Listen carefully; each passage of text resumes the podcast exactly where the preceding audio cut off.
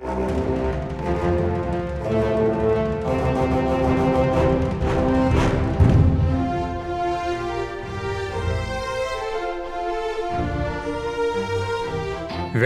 til Frankrike forklart, en podkast der du får svar på alt du lurer på om Frankrike. Mitt navn er Geir Uvsløk. Og jeg heter Kjerstin Aukrust. I dagens episode av Frankrike forklart skal det handle om oversettelse av fransk litteratur.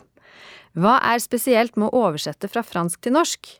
Hva kjennetegner fransk litteratur både språklig og innholdsmessig? Og hva slags forhold har oversetterne til originalforfatterne? Dette er spørsmål som vi drøfter i dag sammen med ukens gjest, Gjøril Eldøen. Velkommen! Tusen takk. Gjøril er oversetter og kan filol i fransk litteratur. Hun har arbeidet som oversetter i Le Monde Diplomatique, og hun har oversatt en lang rekke franskspråklige romaner av blant andre Virginie Despentes, Lydie Salver, Gaël Fay, Michel Rostin, Joël Dicker, Françoise Sagan, Marguerite Duras og Simone de Beauvoir, både samtidslitteratur og klassikere fra 1900-tallet, altså og for oversettelsene sine av Virginie Despentes sin trilogi om Vernon Subutex fikk hun i 2020 Bastianprisen, Norsk oversetterforenings pris for fremragende oversettelse av et skjønnlitterært verk. Gratulerer med det, Jøril. Tusen takk. Kan du begynne eh, med å si litt eh, om deg selv og, og bakgrunnen din?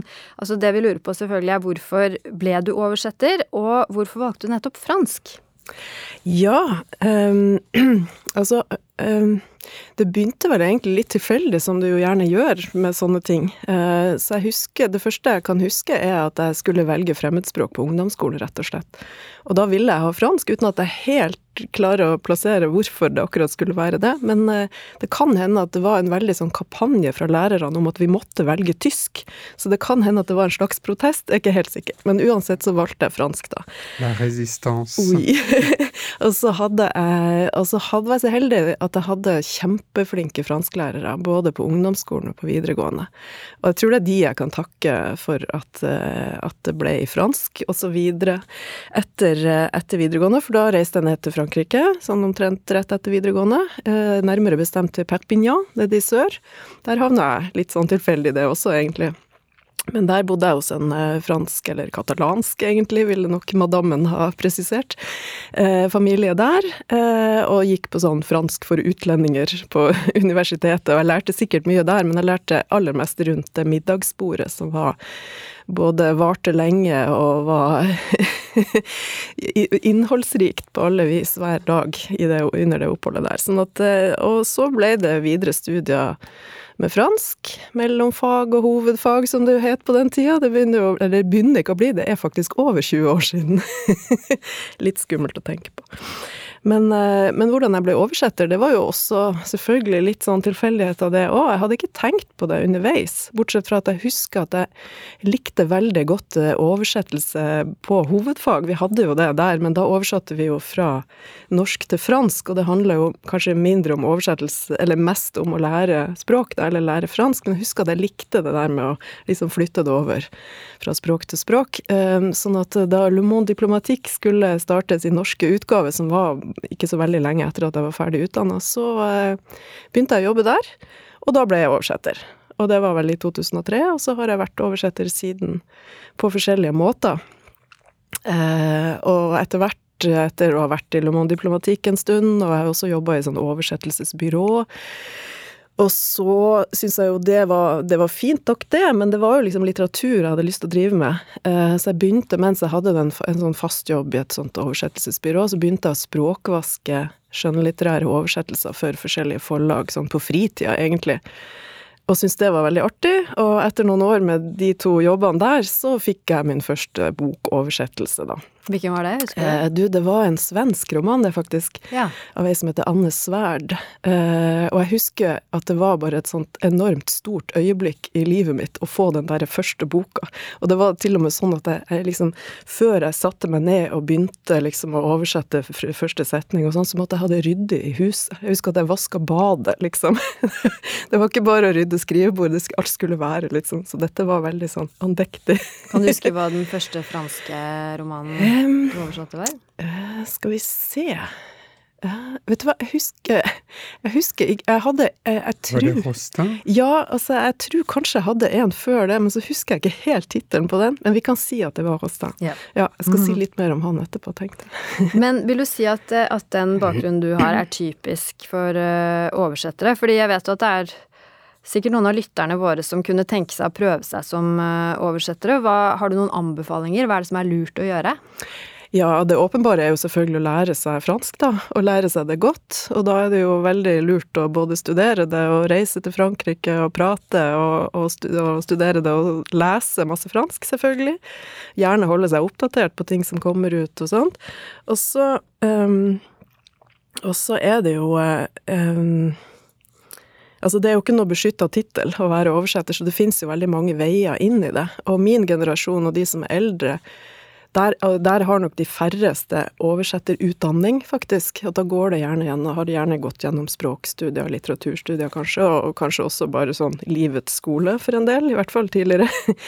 Men, eh, men etter hvert så vil det nok bli mer utdanning, altså mulig å utdanne seg til skjønnlitterær oversetter. Det er det jo kanskje allerede, har ikke helt oversikt over. Det kunne man ikke da jeg var student. ja, det, det, er flere ja, muligheter. Ja, ja, så det er jo Det må jo være en bra ting, tenker jeg. Hvis jeg skulle begynt på nytt, så ville jeg absolutt ha valgt et sånt studium i tillegg til språk- og litteraturstudium, da. Eh, men eh, det, ikke, det her er jo ikke en jobb som man søker på, det er jo ikke sånn at forlagene utlyser 'nå har vi en ledig, en ledig bok', liksom. Sånn at man skal, hvis man har lyst til å begynne med det her, så er det jo det der magiske ordet 'kontakter' som jo gjelder i kulturbransjen generelt, og sikkert mange andre steder òg, at man må skaffe seg Man må bli kjent med de som uh, sitter og deler ut disse jobbene. Sånn at uh, mitt tips er jo at man må ta kontakt med Må finne ut hvem som er oversatt redaktører rundt omkring, og så ta kontakt med de og fortelle at man finnes, og hva man kan og sånn. Og så tenker jeg at det kan være lurt å påta seg språkvaskoppdrag. Det var jo min vei inn i det. Uh, og det er jo ikke bare for å liksom få kontakter, for det gjør man jo, man får jo vise seg fram og sånn. Det er også veldig lærerikt. Men jeg tror man blir en bedre oversetter av å språkvaske andre sine tekster, rett og slett. Sånn at det vil jeg anbefale. Og forlagene har alltid bruk for gode språkvaskere. Så er det jo også sånn at man Jo mer man oversetter, desto bedre blir man. Så det er ja, det å trene seg også. Det, må, ja. Jeg ble jo faktisk hy, hy, hyra inn av deg for å oversette litt i Le Monde Diplomatique. Ja, stemmer så det. der begynte jeg også med lille Jeg har oversatt et par bøker etter det, men det var en veldig, veldig spennende jobb. Mm. Uh, før vi snakker mer om uh, selve oversettelsesarbeidet, uh, kan du si Nå har du jo nevnt litt med dette med kontakter, men kan du si litt om systemet, eller prosessen, altså alt rundt selve oversettelsesarbeidet? Som nettopp da kontakt med forlag, samarbeid med redaktører, språkvaskere. Hvordan foregår alt det? Ja, ja, det er jo gjerne sånn at jeg sånn typisk får en henvendelse på mail, gjerne, fra noen som liker å ringe, men de fleste sender mail nu om dagen. Og da er det jo gjerne fra en redaktør som jeg har jobba for før tidligere, eller en ny av og til. Eh, og så spør de om jeg kan tenke meg å oversette en tittel som de har kjøpt rettighetene til, da, som de skal utgi på norsk. Og da pleier jeg å ta en kikk på den teksten, for det er jo ikke alt jeg føler meg i stand til å oversette, kanskje. Men det skal jo være en slags match der, da. Selv om vi må jo ha, vi må ha et stort register, tror jeg, for hvis vi skal leve av det her, i hvert fall. Men, Oversetter du sakprosa også? Ja, gjør det litt. Mest skjønnlitteratur, men også litt sakprosa. Mm. Så hvis jeg finner ut at ja, det her har jeg lyst til å gjøre, og dette har jeg tid til å gjøre, og sånn, så blir vi enige om en deadline som jeg ofte syns er altfor kort. Mens redaktøren gjerne syns det er litt for langt, men vi blir nå enige stort sett, da. Og som regel så bruker jeg å lese hele boka før jeg går i gang med å oversette, men det er ikke alltid sånn. Og det her varierer jo veldig fra oversetter til oversetter. Det er noen som aldri gjør det, som bare liksom begynner, og så leser de på en måte mens de oversetter. Eh, og for min del så, mens andre alltid leser grundig og liksom bestemmer seg for litt hvordan de skal gjøre det før de går i gang og sånn. For min del så varierer det litt fra bok til bok. Eh, oversatte en krim en gang. Da syns jeg faktisk det var et poeng å ikke lese heller. At det ble liksom mye mer sånn spennende arbeidsdager. Man ikke vet hvem som gjorde det. Men i alle fall, så, så ja. og så når jeg går i gang, da, så har jeg etter hvert kommet fram Her har jeg prøvd meg litt sånn fram og tilbake i løpet av en del år, men jeg har kommet fram til en slags sånn arbeidsmetode hvor jeg oversetter ganske raskt. Kanskje ti sider eller et kapittel, litt sånn avhengig av hvordan det er delt inn og sånn. Og så går Og det går ganske fort, egentlig. Så skriver jeg på en måte det som faller meg inn, og kanskje er det flere løsninger et sted som jeg bare skriver litt sånn etter hverandre og sånn. Og så går jeg tilbake, kanskje neste dag. Og så, eh, og så, må jeg på en måte reinskrive det, og liksom pusse litt på det og gjøre det litt sånn høvelig presentabelt, da. Men når man oversetter, så skriver man jo faktisk for et annet publikum enn det originalforfatteren gjorde, ikke sant? Du skriver for et norsk og ikke et fransk publikum. Så du kan jo på en måte, tenker jeg da, ikke bare oversette eh, ord for ord. Eh, er, du, er, det noen spesielle utfordringer med oversettelse fra fransk til norsk som du vil trekke frem? Og da tenker jeg både på språklig, selvfølgelig, syntaks, referanser, ikke minst. Hvordan kan du si litt om det? Ja, det er veldig mye å si om det. det er jo vanskelig å oversette fra fransk, men det er vanskelig å oversette fra alle språk. Alle har sine ting som er Det er også vanskelig å oversette mellom norsk og svensk, enda det er så tett. Men det som er utfordringa med fransk og norsk, er jo det at språkene har forskjellige røtter og ser forskjellige ut, og setningene bygges på forskjellige måter. Eh, og jeg tenker at eh, en stor utfordring når man oversetter fra fransk, tenker jeg, det er at det så veldig lett kan bli stivt og tungt hvis man holder seg kanskje for tett opp til originalteksten noen ganger. Og det, det henger jo sammen med det her med at språkene har ulik opprinnelse, sånn at helt, et helt vanlig fransk ord som kanskje da har latinske røtter, fort blir et fremmedord på norsk. At eh, Altså, vi har jo f.eks. et ord som korridor. Vi kan jo si korridor på norsk òg, i noen sammenhenger så vil jo det være helt riktig, men det mest vanlige er jo kanskje å si gang, ikke sant? Sånne ting. Eh, og så er det jo den her berømmelige substant substantivsyken, har plutselig et vanskelig ord å si. Eh, og det handler jo om det at eh, fransk, og sikkert en del andre språk òg, er mye mer substantivtung enn norske. Vi er mer glad i verb, eller verbaler på norsk. Eh, sånn at hvis man ikke passer seg, så kan det veldig fort bli sånn som Det er vel Finn-Erik Vinje som har det der kroneeksempelet med at hun foretok innhøsting av epler. Så kan fort få en tekst med en del sånne konstruksjoner, og den blir gjerne mye tyngre da på norsk enn den egentlig er på fransk. Eh, så skal vi se hva andre ting jeg tenkte på. Jo, det, det, i forlengelsen av det så er jeg veldig glad i verb. Jeg samler på gode verb. det pleier jeg å være. Og på, jeg tenker på så Et eksempel kan jo være det her med at på fransk så, så han, man, man, gjør mye sånn tegn med hånda. Faire signe de la main, ikke sant? Eh, og det kaller vi jo gjerne vinke på norsk, ikke sant? Der har vi et sånt veldig fint verb. Han gjorde et tegn med hånden, det blir ikke helt eh, det samme, liksom.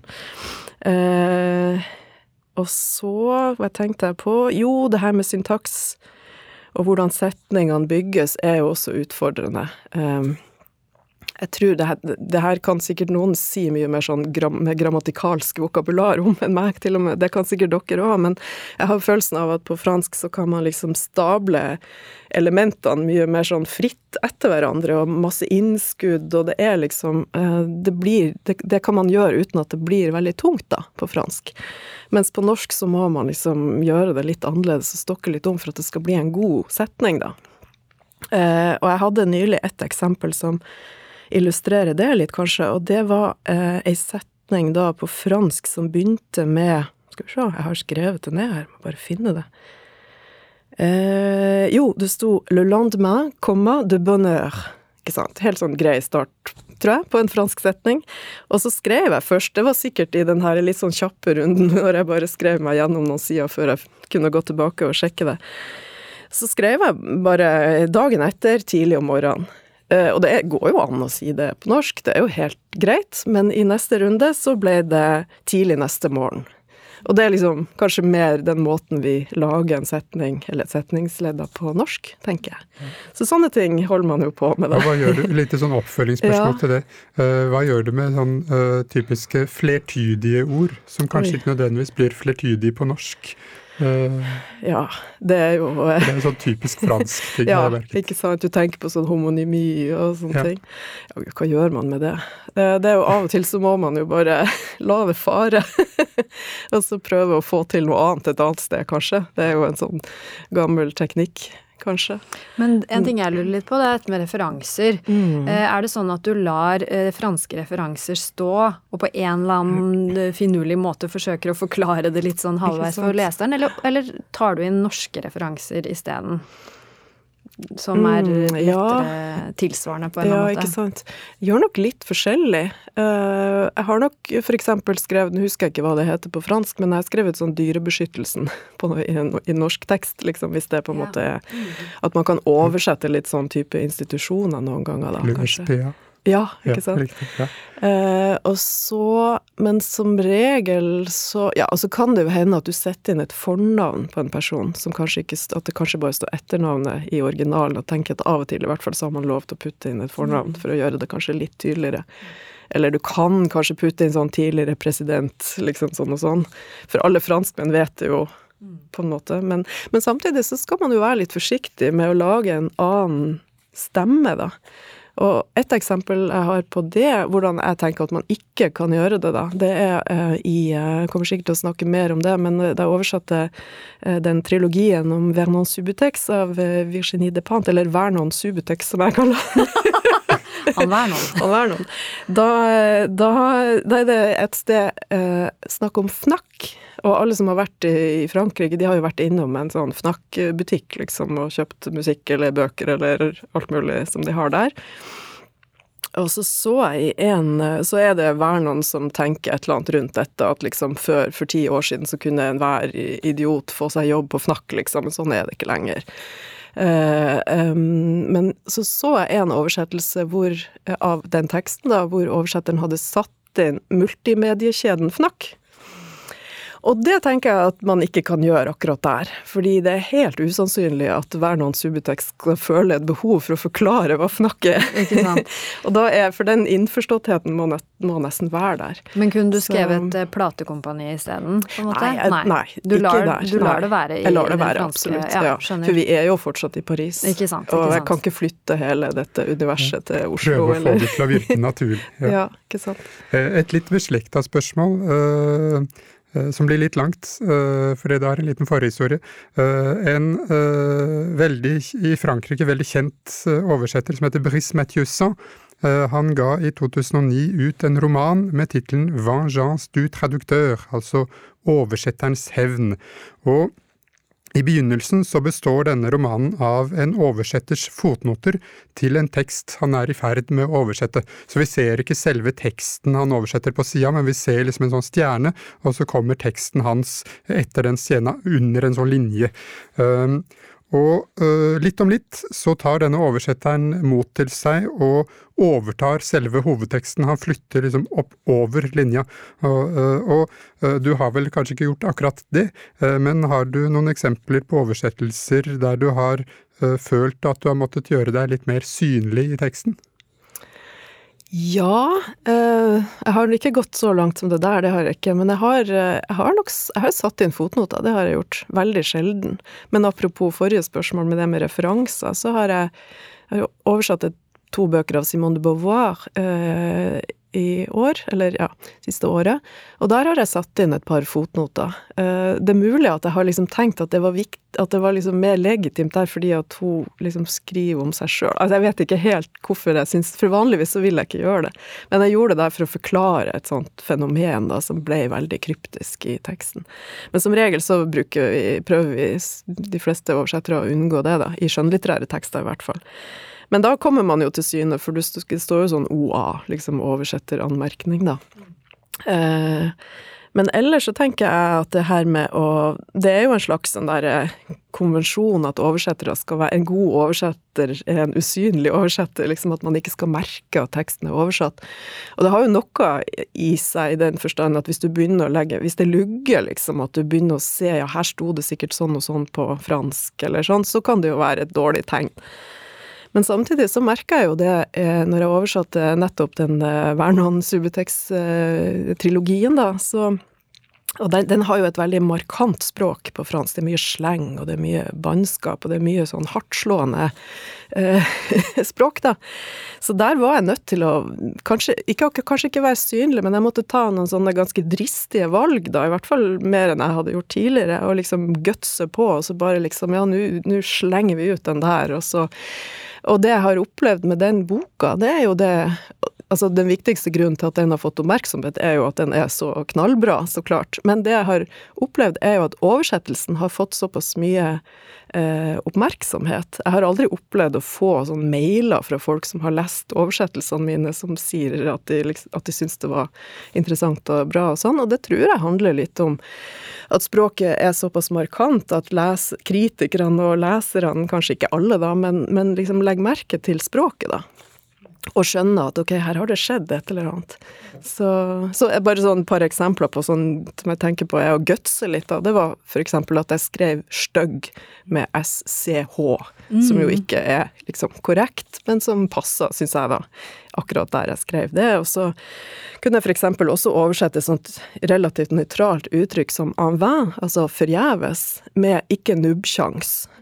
Uh, og sånn, i, sånn isolert sett så er jo det kanskje en litt drøy oversettelse, men liksom i dette universet som helhet, så, eller akkurat det kapitlet kanskje, så passer det, tenkte jeg. Sånn, så det er kanskje det mest sånn synlige jeg har vært, da. og den fikk de jo nettopp også da Bastian-prisen for, så det var jo Gode valg. øyensynlig en god strategi. Mm. En annen fransk eh, oversetter som er veldig inspirert av denne Mathieusan som Geir nevnte, det er Nicolas Richard, og han kom i år ut med boka Par instant, le sol penche bizarrement Altså, iblant skråner bakken underlig, og her skriver han blant annet om møter han har hatt med noen av forfatterne som han oversetter. Eh, har du fått anledning til å møte noen av eh, dine forfattere, og hvordan, hvordan har du i så fall opplevd det? Ja, altså jeg har møtt flere av dem, og det har gjerne vært eh, i forbindelse med norgesbesøk. Sånn i førkoronisk tid så kom det jo stadig vekk eh, forfattere på besøk når bøkene deres kom ut. Og jeg må bare innrømme at jeg syns ofte det er litt skummelt med disse forfatterne. Det, er, altså, det, handler kanskje ikke så mye om at jeg tror at de er utrivelige eller noe sånt, men at jeg liksom føler et sånt stort ansvar for at nå er, det liksom min Det er mitt ansvar at, denne, at deres bøker skal fungere på norsk og sånn. At jeg alltid litt sånn Syns det er litt skummelt, men absolutt alle gangene jeg har møtt en av de forfatterne jeg har oversatt, så har de vært veldig hyggelige og generelt veldig glad i oversetterne sine. Og det, det er liksom mitt inntrykk. Og hver gang jeg stiller spørsmål, kanskje i oversettelsesprosessen, så har jeg i alle fall jo nesten alltid fått fått svar, og hyggelige svar, og at de er glad for å bli spurt om ting og sånn. Men eh, det mest, eh, det liksom mest spesielle møtet jeg har hatt med en av forfatterne jeg oversatte, var nettopp eh, Michel Rostin, som jeg nevnte i starten, som kanskje ikke var den aller første franske boka oversatt, men nummer to, tror jeg. Så det begynner å bli en stund siden. Han skrev en bok som heter Le Fils, eller Sønnen, um, og og så kom han, så ble han, eller han og kona hans, de kom til Norge, eh, og så reiste vi rundt sammen på en sånn turné på norske bibliotek sammen med noen andre oversettere, så vi var liksom sånn intenst i lag i ei uke.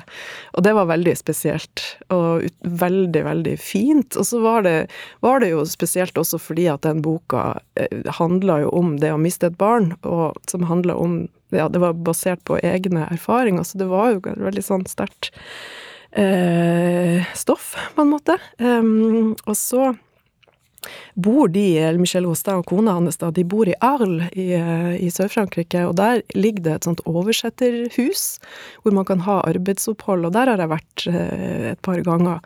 Og den andre gangen jeg var der, det begynner jo å bli noen år siden nå, så, så var jeg og besøkte dem, for de bor også der, det, jeg glemte å si, men de bor der. Ja.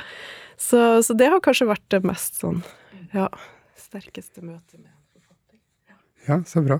Hvis vi går litt på uh, ikke det rent oversettertekniske, men bare den uh, gleden av å lese litteratur, så uh, har du altså oversatt bøker av mange franskspråklige forfattere, men har du en favoritt blant dem, og kan du si litt hvorfor nettopp det er favoritten din? Ja, det blir jo litt sånn Jeg har jo, som du sier, jeg har jo fått lov til å oversette verdsetter så mange eh, fantastiske forfattere, så jeg kunne jo nevnt veldig mange. Men jeg må nok nevne Virginie de Pant igjen, altså. Fordi eh, det har vært så spesielt å jobbe med de, med de tekstene hennes. Det er jo den da, eh, den Subutex-trilogien som, som, jeg på en måte levde med i et par år. Og det føltes jo litt som at jeg levde sammen med alle de. Det er jo veldig mange romanpersoner i det. er jo Vernon, og så er det jo hele gjengen rundt han. Og jeg ble liksom litt glad i dem, alle sammen. Eller kanskje ikke alle, det er jo noen av dem som er ganske ufyselige. Men, eh, men, i alle fall så tenker jeg så er det noe med det språket hennes og den, den der energien som hun har, som, eh, som gjorde at de, de, årene jeg satt med det hver dag, var bare, det var bare en fest hele veien, altså. Og nå sitter jeg så heldig faktisk at jeg sitter i, og oversetter en Ikke en ny bok av henne, men det er jo en ny oversettelse, da. Av en bok som heter King Kong teori, som jo er Som hun skrev i 2006. Og som er Der er det sakprosa, da. Og det er et sånt feministisk manifest, kan man vel si. Som da kom ut, ja, det nevnte jeg kanskje i 2006, og som skal komme ut på norsk da, til 8. mars. Ja, kult. 22, 2022. Så der sitter jeg og legger siste hånd på verket nå, så nå får jeg være litt i det pant-universet igjen. Det er jo også en hardtslående bok, så ja, der kan du vel også kanskje ta deg noen friheter? Ja, jeg må nok gjøre det. Så bra. ja. Er det noen franske forfattere som du ikke har oversatt, som du gjerne skulle ha oversatt, eller ønsker å oversette i framtiden, og i, i så fall Hvorfor? Mm. Ja, jeg har en sånn gammel drøm som jeg har hatt helt siden før jeg begynte å oversette, og det er å oversette Marseille-trilogien av Jean-Claude Izot, som kom på 90-tallet, eh, og som jeg leste da for mange år siden, og som jeg syns var bare helt sånn fabelaktig. Eh, som er jo, det er jo en krim, en ganske sånn hardkokt politisk krim, og det handler om mafia, og det handler om høyreekstreme, og det er liksom politikorrupsjon og sånn, og så er det Men så er det også et sånt helt vidunderlig portrett av Marseille. Uh, og jeg, jeg, leste den mens jeg Det var kanskje mens jeg var i Arles, det er jo ikke så langt unna. Sånn at jeg var liksom litt sånn rundt omkring i Marseille mens jeg leste det her, og det var bare så fint. Så jeg har en sånn drøm om at jeg skal sitte der ute ved ha i en sånn lita hytte, for det er han hovedpersonen, sånn politimannen da, som det handler om, han heter Fabio Montel, og han bor i en sånn lita hytte ute ved Le Calanque der. så det er min drøm, at jeg skal sitte der og oversette den Marseille-trilogien. Bra drøm. Så vi får se så, hvordan så det går med den. da må vi bare si at hvis det er noen forleggere der ute som hører på oss, så vet dere hva dere kan gjøre for å gjøre Gjørild glad. Eh, så, ja. Da, eh, på slutten av hver episode, så ber vi gjesten vår om å komme med en fransk anbefaling. Eh, og hva er din anbefaling for, til lytterne, Gjørild? Ja, jeg lurte på om jeg kunne anbefale et sted. Ja, det kan Går det an? Så klart. Ja. Eller tre steder, men de henger litt sammen. Og det henger også litt sammen med Subutex. Du er veldig enspora på det, men, eh, men uh, uh, Vernon Subutex han blir jo uteligger uh, i slutten av den første boka. Og da havner han i uh, Butchaumont, som er en park som ligger oppe i nordøst i Paris, ved Belleville, i 19 arrondissement, er det vel. Og det er en helt fantastisk fin park som er svær, og som har masse sånne små, sånne snirklete stier, og også sånne svære sånn, Hva heter det Sånn ja, veier. Eh, og masse gressplener, masse trær og masse greier. Og det er en helt nydelig plass som jeg anbefaler alle å besøke hvis de er i Paris. Og så er det én ting, to ting i den parken, og det ene er Rosa Bonheur som er, som er, ganske viktig i Subutex-bøkene, faktisk, men som også fins på ordentlig. Det er det stedet der Vernon Subutex er DJ. Det fins på ordentlig. Det er et helt eh, nydelig sted, som er et slags sånn derre Det er en kafé, da. Eh, men også et slags sånn samfunnshus, har jeg inntrykk av, for de som bor i området, og der skjer det masse ting, og de har kjempegod pizza. og så er det i en del av parken så går det en jernbanelinje som heter La Petite Ceinture, og Vernon han, han, slår seg ned ved siden av den jernbanelinja. Og den går, den gikk jo rundt hele Paris, eh, innafor, eller rundt bykjernen, eller hva heter det, ja. Eh, og den ble nedlagt på 30-tallet, men så fins den jo fortsatt. Den ble, har blitt gjengrodd, og det har vokst masse liksom, eh, vegetasjon rundt den og sånn, men nå er den liksom i ferd med å Siste årene har den kommet fram igjen, så det har liksom blitt et slags sånn sted hvor man kan gå tur, og så de gamle stasjonene har blitt kafeer og kulturhus og sånn. Så Le en tur er også en sånn Paris-anbefaling. Så bra. Mm. Da vet lytterne våre hva de kan gjøre neste gang de er i Paris. Kjerstin, har du også en anbefaling? Ja, det har jeg, og denne gangen så vil jeg anbefale podkasten Livre i châtiment, som er på France Inter. Og tittelen det er et ordspill på Dostojevskijs roman Forbrytelse og straff, som på fransk heter Crime i châtiment.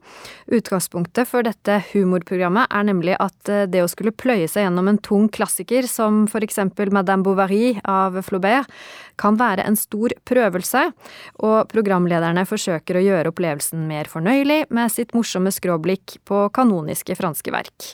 Og målet det er også å gjenoppdage disse klassikerne ved å si noe om hva som gjør dem evig aktuelle, noe jeg alltid er for.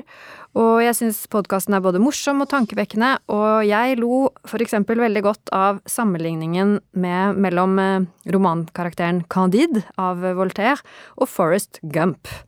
Det sier kanskje noe om eh, hva slags litteraturnerd jeg er, men hvis det fins flere av oss der ute, så anbefaler jeg den podkasten. Geir, hva er din anbefaling? Min anbefaling det er uh, en helt fantastisk bok som gjesten vår har oversatt til norsk, nemlig Lydie Salver sin roman Pas pleuré fra 2014. Den er svært godt oversatt med tittelen Ikke gråte, uh, av Gjøril Eldøen altså.